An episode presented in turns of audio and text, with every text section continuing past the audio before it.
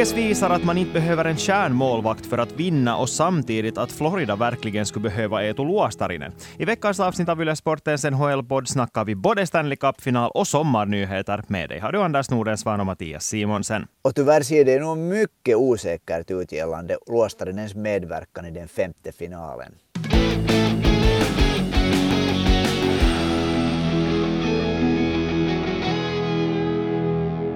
Ja, när vi bandar in det här avsnittet så leder Vegas Golden Knights med 3-1 i matcher och dessutom saknas inte bara Eetu Luostarinen från Florida Panthers träningar, Matthew Tkachuk och Radko Gudas dessutom också borta.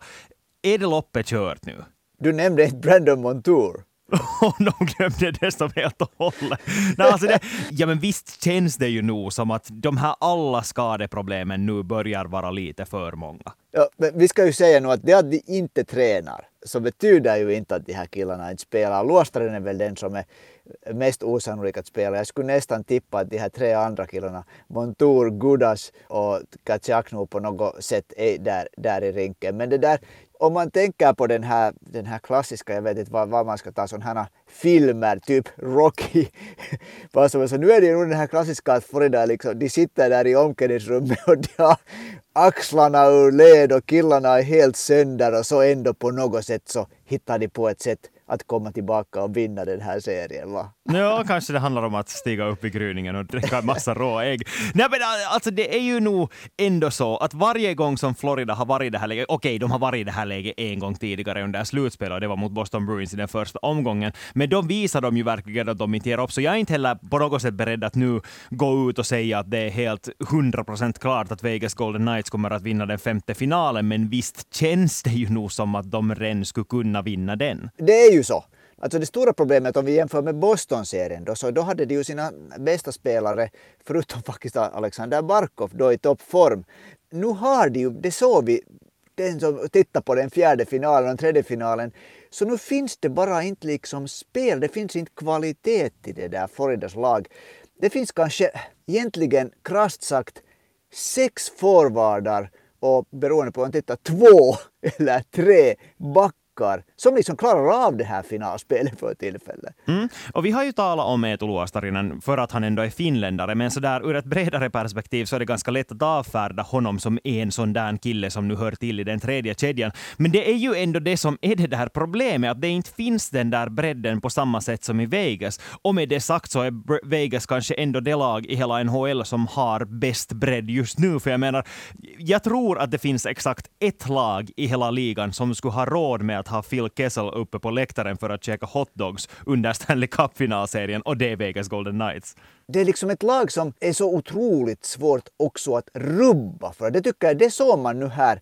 Florida fick verkligen äta upp sin egen medicin. Att när, när det där Matthew Tkachuk smällde på Jack Eichel så Eichel kom tillbaka men det, där, det gick inte länge till det att Matthew Tkachuk verkligen fick smaka på sin egen medicin. Och han gick sönder av det. Och jag tycker liksom att det här är det här som Vegas hela tiden visar att när Florida Florida är det laget som är liksom mer aggressivt och, och söker sånt här bråk. Men Vegas är ganska coolt men de visar att om det blir tufft spel så blir ni två också i det.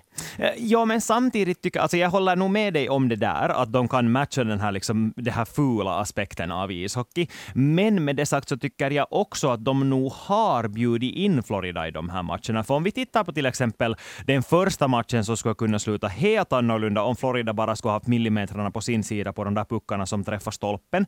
I den här tredje matchen så kom ju Florida tillbaka i slutet, satte in kvitteringen i tomt mål och vann sen i förlängning. I match nummer fyra så skulle de helt hur bra som helst ha kunnat kvittera mot slutet, trots att Vegas i praktiken dominerade den där matchen. Att de, de har den där tendensen att ändå låta motståndarna komma in i matchen, och det såg vi ju redan mot Dallas, och det ser vi också nu mot Florida. Och nu handlar det väl mest ändå om att har Florida tillräckligt många spelare för att ta vara på den chansen? För i de där slutminuterna så är det ändå bara stjärnorna som spelar. Då, då spelar inte den där bredden en så stor roll längre. Du, jag håller helt med dig om det där att, att, att Vegas, har, Vegas på något sätt man kan ju inte säga att de tabbar bort sina liksom ledningar, de ändå har vunnit nu redan tre matcher. Men, men det, där, det är just så att de borde ha dödat de här matcherna mot Florida tidigare. Men är det sen mer, för att om vi tar Dallas tycker jag åtminstone att Dallas var ett lag som var tillräckligt bra nog för att slå Vegas, men där liksom, de, de lyckades inte med det. Ja, men, men, där, men på samma sätt så är Florida bevisligen ett lika bra lag på att no, slå men Jag skulle Vegas. säga att när Florida är det här igen, det här laget som på det här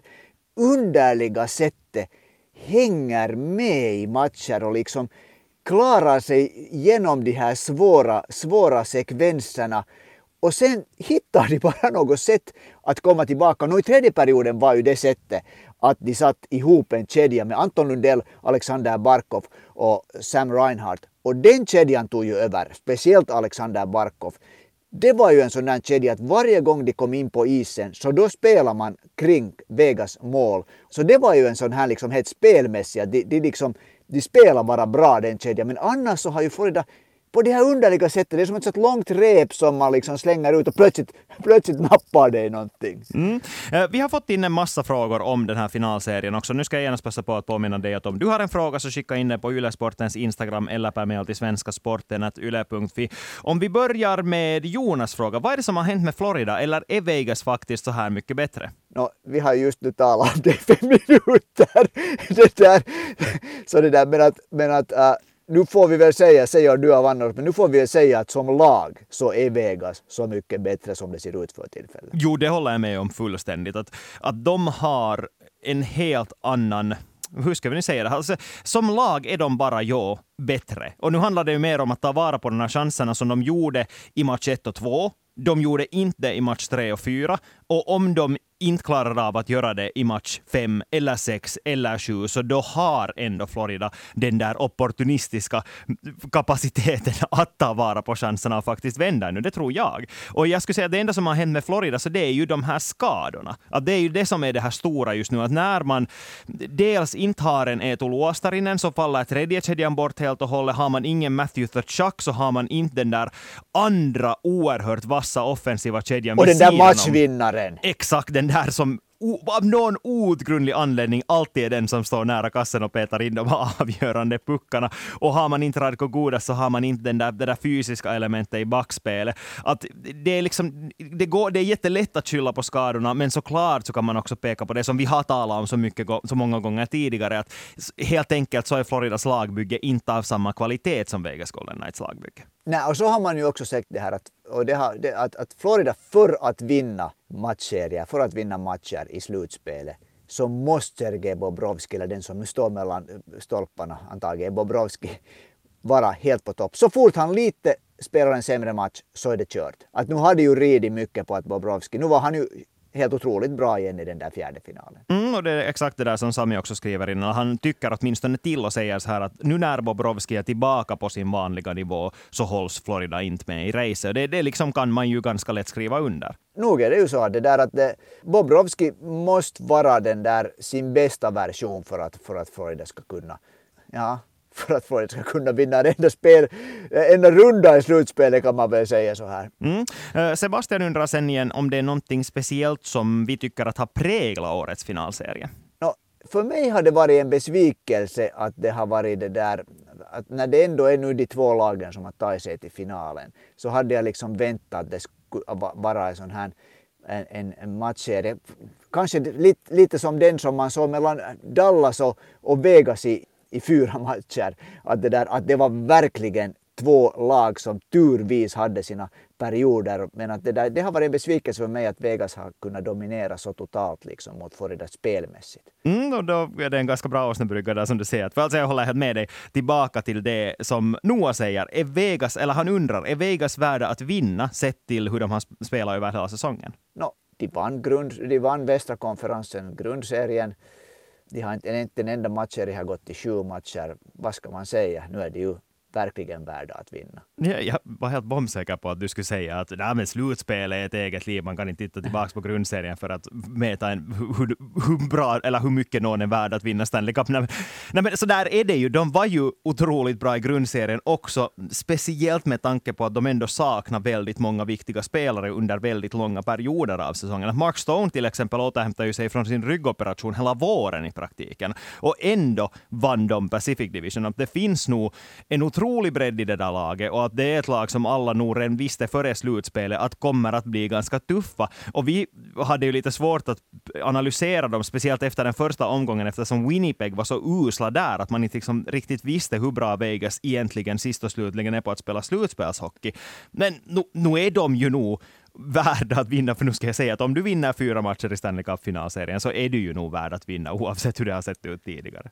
Jo, och jag var speciellt överraskad. Liksom, jag måste säga att jag, jag har ju helt öppet också tippat då, att det där att Edmonton skulle slå ut Vegas. Och då trodde jag att den här, den här liksom superduon med Dreisaitl och Connor McDavid och, och det nya liksom, hur, hur, Edmonton hade förändrats under den här säsongen, att det skulle helt enkelt räcka till. Jag, jag, jag undervärderar Vegas riktigt ordentligt, det ska jag medge. Men att det där, ja, nu, nu, är det ju, nu när man ser dem spela så tittar man bara att hur kan ett lag rulla på på det där viset. Jonas har en till fråga. Han undrar vem som är Conn Smythe-favoriter just nu. Han undrar nu om Vegas, men jag tycker nog att vi kan plocka fram dem ur båda lagen. För inte är det ju fast Vegas leder med 3 så ingenting är avgjort ännu. Florida kan ännu vända och vinna. Så vem skulle du Anders säga att är de största Conn Smythe-favoriterna just nu? Om jag nu börjar i alla fall med Vegas. Mycket kan hända inkommande natt när vi talar nu så är det, är, är det före den femte finalen. Ska vi säga att om Jonathan Marchessault gör, gör ett, ett mål ännu i den här finalserien, jag, jag tycker att då skulle han nog vara värd, för han har gjort så många av de där stora viktiga målen och varit liksom en sån här så kallad clutch player då när det riktigt har gällt. Så för, jag, jag, om jag nu bara, jag, jag, tycker att han är klar. Sen, sen är det någon Jack Eichel såklart. Uh, han har inte gjort enda mål i det där ännu i finalserien. Men ganska Mark, många assist nog. ja. Men Mark Stone är ju nog en, en, en grym spelare.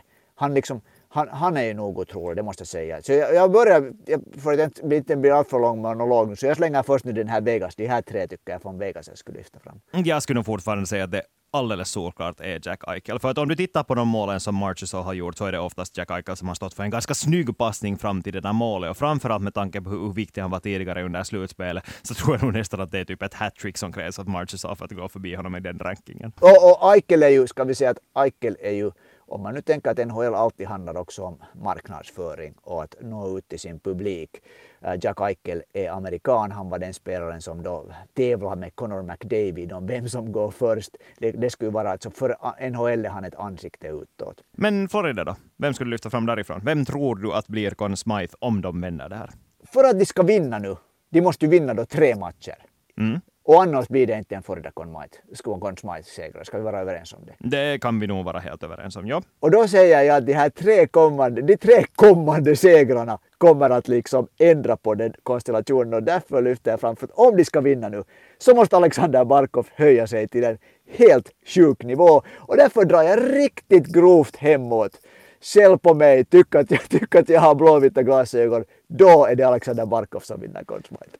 Jag tror att om... Alltså jag tror helt som du att Alexander Barkov måste vara den som vänder det här för Florida. Men jag tror att det bara lyfter honom förbi Matthew Tkachuk i rangordningen. Han kommer inte att lyftas förbi Sergej Bobrovski i rangordningen, för det kräver också det att Sergej Bobrovski spelar på samma otroliga nivå som han har spelat tidigare under slutspelet för att de ska fixa det. Och i så fall tror jag nog att det blir en ganska klar seger för Sergej Bobrovski i Conn Smythe-omröstningen. Ja, jag har lite problem med det här eftersom jag fortfarande säger inte alltid, men jag, liksom, jag har lite problem med att det skulle bli en rysk vinnare i, i, dagens värld. På tal om nationaliteter så har Tumpi en eh, ganska så intressant fråga. För nu, inte kan vi ju sticka under stol med att den absoluta majoriteten av finländare just nu ändå håller på Florida när man jämför de här två lagen som gör upp om titeln. Av kanske den anledningen, eller no, antagligen, inte bara ens antagligen, utan av den anledningen av att det finns finländare där. Och Tumpi undrar nu, måste man faktiskt gilla de här finsklagen i NHL? Vad tycker du, Anders? Det måste man ju absolut inte. I tiden det där hejar ju alla på Edmonton Oilers. Det är inte så många som gör det mera i Finland. Det där.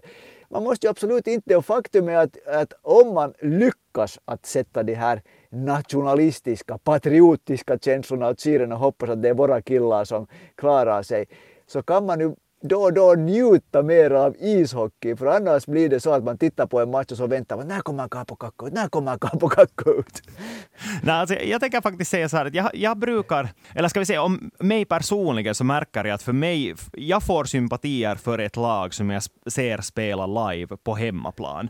Och jag har sett Vegas Golden Knights spela live på hemmaplan den där första hösten då de existerade. Och på det sättet har jag faktiskt en ganska speciell koppling på ett helt personligt plan till Vegas Golden Knights, som jag inte egentligen har till något annat NHL-lag, trots att jag har sett andra NHL-lag spela också i USA. Men det där Vegas Golden Knights-upplevelsen var på något sätt så otroligt häftig att det som ändå lite stör mig, det som jag, jag ska nu inte gå och säga att jag håller på Vegas Golden Knights, för det gör jag inte egentligen i den här finalserien. Jag vill bara att det bästa laget ska vinna. och det är kanske av den anledningen att det inte finns så många spelare kvar från den tiden, då den där första hösten då de gjorde sån otrolig succé med en massa doldisar som de hade plockat i expansionsdraften. Alltså, på det sättet så vill jag bara, jag tror att det var min poäng var med den här långa utläggningen, var det att nej, och jag håller faktiskt med dig Tompio, det var så att du försökte säga att du inte håller på finsklagen, så jag håller inte heller alltid på finsklagen. Ja, och det, om jag nu får lite rulla vidare på det här, så för mig i tiderna som det där liten pojke, så för det laget som jag blev fascinerad av var Montreal Canadiens, och det berodde helt enkelt på att det var de första sådana här korniga eh, bilder, svart och vita bilder som man såg i Urheiluruutu när Gila Flö gjorde mål och det där, det var någonting som jag liksom kommer ihåg hur det, hur det liksom var överväldigande. Och sen har det varit tidigare, senare lätt att eh, som själv en representant för, för en språkminoritet i Finland tycka om ett lag som står för språkminoriteten i Kanada. Så det, där, det finns nog andra, man kan också bli fäst vid ett lag på,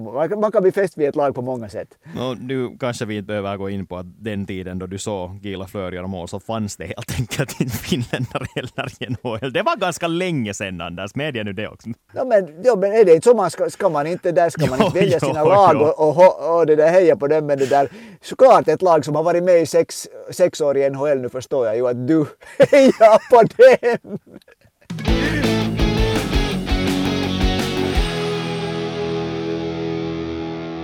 En sak som Vegas Golden Knights håller på att göra just nu, så det är att vinna Stanley Cup utan att ha en uttryckligen en kärnmålvakt mellan stolparna. Det här är ju någonting som vi snackade om lite tidigare under säsongen. Ni som har lyssnat på alla våra avsnitt, eller åtminstone det avsnittet, vet att vi ju tycker om att snacka målvakter och tycker om att, att lite filosofera kring hur viktig en målvakt är för sitt lag. Och Vegas gör det här, ju det som de gör just nu, är att bara vara en seger från att vinna Stanley Cup med Aiden Hill mellan stolparna. Darcy Kemper var målvakt för Colorado Avalanche i fjol. Och det här är ju ytterligare ändå, Anders, ett bevis på att man inte behöver ha den där, den där Vesaina vinnaren för att faktiskt gå hela vägen. No, det är väl så att det finns olika typer av lag. Det finns sådana här lag som Colorado och som Vegas Golden Knights som kan se till att, det där, att den egna målvakten inte behöver stå på huvudet. Men sen finns det sådana lag som Florida, Montreal Canadiens för några säsonger sedan, Dallas när det gick till final, som inte går till final utan en målvakt som, som det där är någonstans mellan en, en, det där, en människa och en titan. ja, så finns det Tampa Bay Lightning som har båda, men det, det är kanske lite orättvist att jämföra. Men orsaken till att jag ville föra in den här diskussionen på målvakter är för att vi har fått in en fråga av Joshua. Han undrar, eller han skriver så här, att det är ganska många rykten nu om att Jose Saros skulle tradas hur sannolikt tror vi att det är, kommer att bli av? De här artiklarna ploppar ju upp för tillfället. Bland annat har jag läst en om att han skulle vara, att en som hur man skulle få honom tradad till Toronto Maple Leafs så att, att Nashville skulle få William Nylander och, och det där. Jag kan ju inte förstå just hur otroligt svårt det är att få en sån här målvakt som är en vinnande målvakt. Och det är ju Jose Saros. Han är en av de absolut bästa målvakterna Det är kanske det svåraste att hitta. Dessutom pallar han för tryck helt tydligt jag kan ju inte förstå hur Nashville skulle träda bort honom. Men samtidigt så har ju Nashville, om vi tittar, börjar med att titta på deras läge just nu, för det är det som jag tycker att talar ändå mest för det.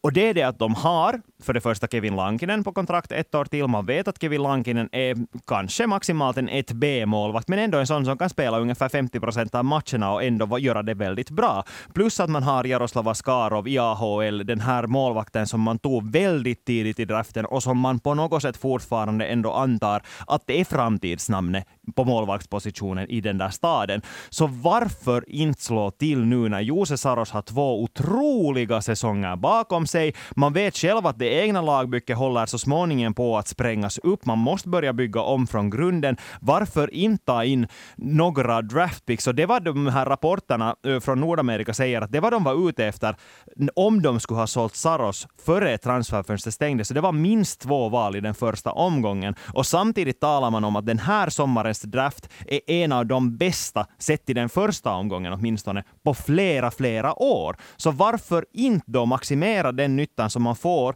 av att sälja Saros, ta in draftval just till den drafttillfälle då man faktiskt vet att det finns många väldigt bra spelare och varför inte då på så sätt liksom kickstarta den här ombyggnadsprocessen. Jag, jag tycker faktiskt att det skulle vara logiskt för Nashville Predators att göra det här. Jag tycker att det skulle vara roligt för Jose Saros att komma till ett lag där det faktiskt finns orsak att förvänta sig framgång, som till exempel Toronto Maple Leafs eller Edmonton Oilers, som är två, är två lag som ändå borde vara ute efter en målvakt. Det ska, Toronto Maple Leafs är typiska laget som når framgång. det, finns, det finns åtminstone andra förväntningar där. Det är ett lag ja, det, hade, det hade funnits sedan 1967. Det där, det där, det där. Alltså, min, mot, min kontring till det här är att ja, varför trädar man inte bort sin bästa spelare? Jose Saros är på väg just nu in i sina bästa år. Han kan vara på topp tio år framåt. Liksom, men, men, men titta jag, på... jag begriper inte, jag begriper inte om man skulle träda bort sin bästa spelare. Men titta på lagen som har vunnit Stanley Cup. Ingen vinner Stanley Cup bara tack vare en målvakt. Nashville Predators har inte de andra pjäserna på sin plats för att vinna Stanley Cup. Och därför byter man bort den pjäsen man har. Nej, jag, jag, det där, jag kan inte. Jag skulle hellre träda bort Roman Josi än, än, än det där, än Jose Saros. Det skulle jag också göra. Jag skulle träda bort både Josi och Saros. No, vem skulle du hålla? Ingen! Jag skulle kickstarta det här lagbygget helt om från grunden just nu. För det är det som Nashville Predators behöver. Att det, de du är en hasardspelare, inte underligt på att du håller på Vegas Golden Knights. Nej men alltså, om du nu tittar på de här lagen som skördar framgång just nu, för, med undantag för Vegas, Vegas Golden Knights som aldrig riktigt har haft sådana riktigt bra draftpicks, så nu börjar man ändå med att bygga om från, med sådana spelare som man tar tidigt i draften. Det är ju så som det här NHL-ekosystemet fungerar, det är så som livscykeln ser ut, att man är bra en tid, sen är man dålig, sen går det som för Chicago Blackhawks att du gör dig av med Patrick Kane och antagligen gör dig av med Jonathan Taves och sen får du ta Connor Bedard i den där draften och automatiskt vara ett lag som alla förväntar sig att har pjäser på sin plats för att bli bra ganska snart. Det är helt enkelt så som det fungerar och för att kunna välja tidigt i draften måste du vara väldigt dålig. Det är, liksom, det är så som det fungerar. Och då kan du inte ha en Jose Saros mellan stolparna som åtminstone stjäl de där 20 matcherna åt dig varje år. Men då kan man också tänka på det här sättet. Jag tycker att så här är också liksom en logik som jag också åtminstone ganska ofta hittar i sådana artiklar som jag eh, läser att det där att, att då du har en, en målvakt är ett typexempel. När du har en målvakt och du kollar att är den här killen nu tillräckligt ung för att vara på topp ännu när vi har gjort vårt ombygge. Mm. Så då brukar man inte träda bort den. Nej, det köper jag om man inte skulle ha en annan supertalang till målvaktren i samma organisation som Nashville Predators har. De har Jaroslav Askarov som ska vara en av NHLs bästa målvakter Men, enligt deras prognoser om fem år. Men det har vi sett, nu, jag vet, på dussin är det ungefär tio av de här, av de här liksom supertalangerna som målvakter som, man, som sen aldrig blir den målvakt man, hade där, man har önskat sig att de, de blir. Och det där Saros är den målvakt. Så att mig får du inte att tycka att de borde träda bort Jose Saros. Men just uttryckligen för att han redan har visat att han är en av världens bästa målvakter så borde lag som Toronto Maple Leafs och Edmonton Oilers och varför inte de här alla andra tusen andra lagen som jag har sett att, att eh, deras skribenter tycker att borde vara intresserade. Jag har sett att Buffalo borde vara intresserade, att Ottawa borde vara intresserade, att Pittsburgh Penguins borde vara intresserade. Så att, att de lagen borde sätta in ett sånt bud för att faktiskt få in den här, den här spelaren som skulle hjälpa dem att ta nästa steg från att nu vara ett sådant ja, playoff-lag till att vara ett sådant lag som man faktiskt kan, skulle kunna jämföra med Tampa Bay Lightning. Men då måste ju nog komma, i min, i min åsikt, jag är hemskt osäker på hur vettigt det är att, att man ger de här de där, äh, äh rättigheterna att träda, trädturerna för, för framtida trade. Jag tycker det måste vara någon, någon, spelare som man ser att den här spelaren kan nu bidra eller inom de följande 5-6 åren eller under de följande 5-6-7 säsongerna. Och då är det nog sådana namn som man tänker om du nämner Edmonton och, och Toronto som det där, som de lagen är inte färdiga att träda bort som jag, skulle, som jag liksom skulle kräva för, för Jose Saros. Nej, och sådana spelare som de inte ens har. Alltså om vi talar om uttryckligen lovande spelare. Men däremot finns det många av sådana i både Buffalo och Ottawa och därför har jag sett att de är lag som borde vara intresserade. Men så kommer vi in till nästa problem som gör det här kanske lite mindre sannolikt. För att vi är ju ändå överens att om Saros ska tradas så dock ska det komma för ett väldigt högt pris. Och det, något annat går Nashville knappast med på heller. Eller vad? Det är vi väl överens om? Det måste nog vara ett, riktigt högt. Allt är ute i salu där, om priset är rätt, men det rätta priset är nog högt. Mm. Men då kommer vi in på det här problemet och det är det att det kommer att finnas många målvakter på marknaden den här sommaren. Connor Hellebuck, som är det andra största namnet vid sidan om Jose Saros, har, lär också ha sagt åt Winnipeg Jets att han vill trädas bort. Han är ett annat namn som de andra storklubbarna också borde vara intresserade av. Sen kommer Carter Hart antagligen att finnas på marknaden. Det finns ingenting som garanterar att Pittsburgh förlänger med Tristan Jerry.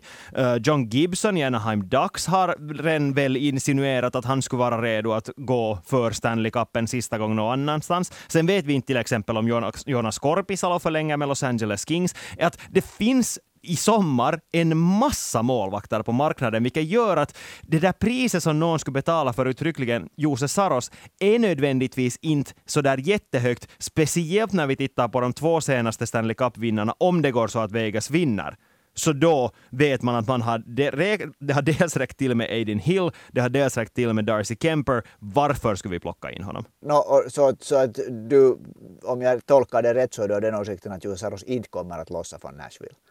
Jag skulle säga att det är hemskt osannolikt att någon skulle göra det, men samtidigt tycker jag att man varje sommar och varje säsong, alltid före transferfönstret stängs, så blir man motbevisad på att det finns mm. klubbchefer i NHL som tänker väldigt annorlunda än vad man själv gör. Själv tycker jag ju att jag, jag är den här logiska rösten här och att jag minsann vet hur man ska sköta ett NHL-lag. Men verkligheten är ju inte direkt den, utan att det finns alltid de här personerna som anser att det var deras lag behöver just uttryckligen den här spelaren. Du skulle säkert vara, exempel, ha varit en otroligt mycket bättre general manager i Edmonton än den som har försökt på det, på det på arbetet de senaste åren, för de hade där inte lyckats bygga ett lag som skulle, som skulle kunna spela runt två av ligans bästa spelare. Det där Conor Helleback tror jag ju att är den här, han är ju nog det här heta namnet. Efter, just som du sa, att eftersom han själv då har meddelat att han nu inte är speciellt intresserad av att stanna i Winnipeg. Och han är det där, jag tror att majoriteten av nordamerikanska NHL-bevakare av den åsikten att Conor Helleback är en bättre målvakt än Jose Saros. Så han är väl nog det här namnet som, som drar åt sig liksom intresse som en magnet. Ja, speciellt när Winnipeg redan verkar tvingas sälja både Pierre-Luc Dubois och honom, så då vet man liksom redan att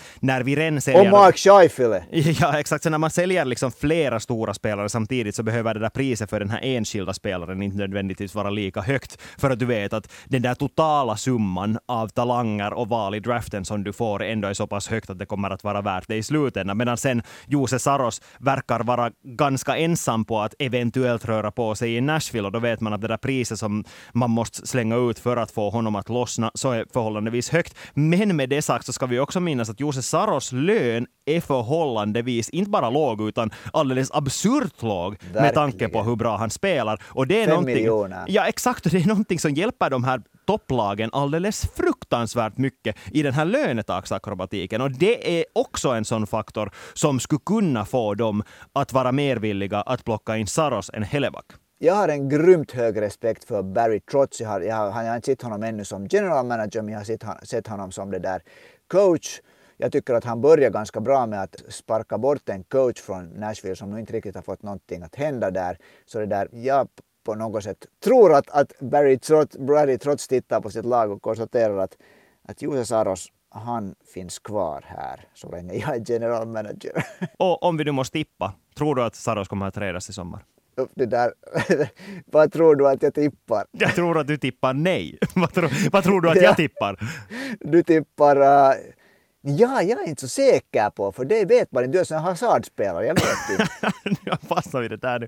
Uh, jag tänker säga så här, att jag tror inte att, jag tror inte att han kommer att trädas, men jag tycker att han borde trädas. Okay. Politiskt svar. Och med detta har vi sätta punkt för det avsnittet av Yle Sportens NHL-podd. Vi är tillbaka igen nästa tisdag för sista gången den här säsongen. Det blir vår, vårt sista avsnitt före vi tar sommarpaus. Då kan det hända att vi har en pinfärsk Game 7 att diskutera. Förhoppningsvis. Nu hoppas vi ju alla ändå att det blir en sjunde match mellan de här två lagen. Och så ska vi såklart också blicka framåt mot annat som kan hända i sommar. Både draften och vad som kan hända på fria agentmarknaden. Om du har någon fråga om vad som helst som du vill att vi ska snacka om när vi blickar framåt eller blickar bakåt, så skicka in det på Ylesportens Instagram eller per mail till svenska sporten. Det var långt. Svenskasporten.yle.fi. Vi hörs igen nästa tisdag. Tummarna upp för en sjunde match. Tack och hej och ha det bra.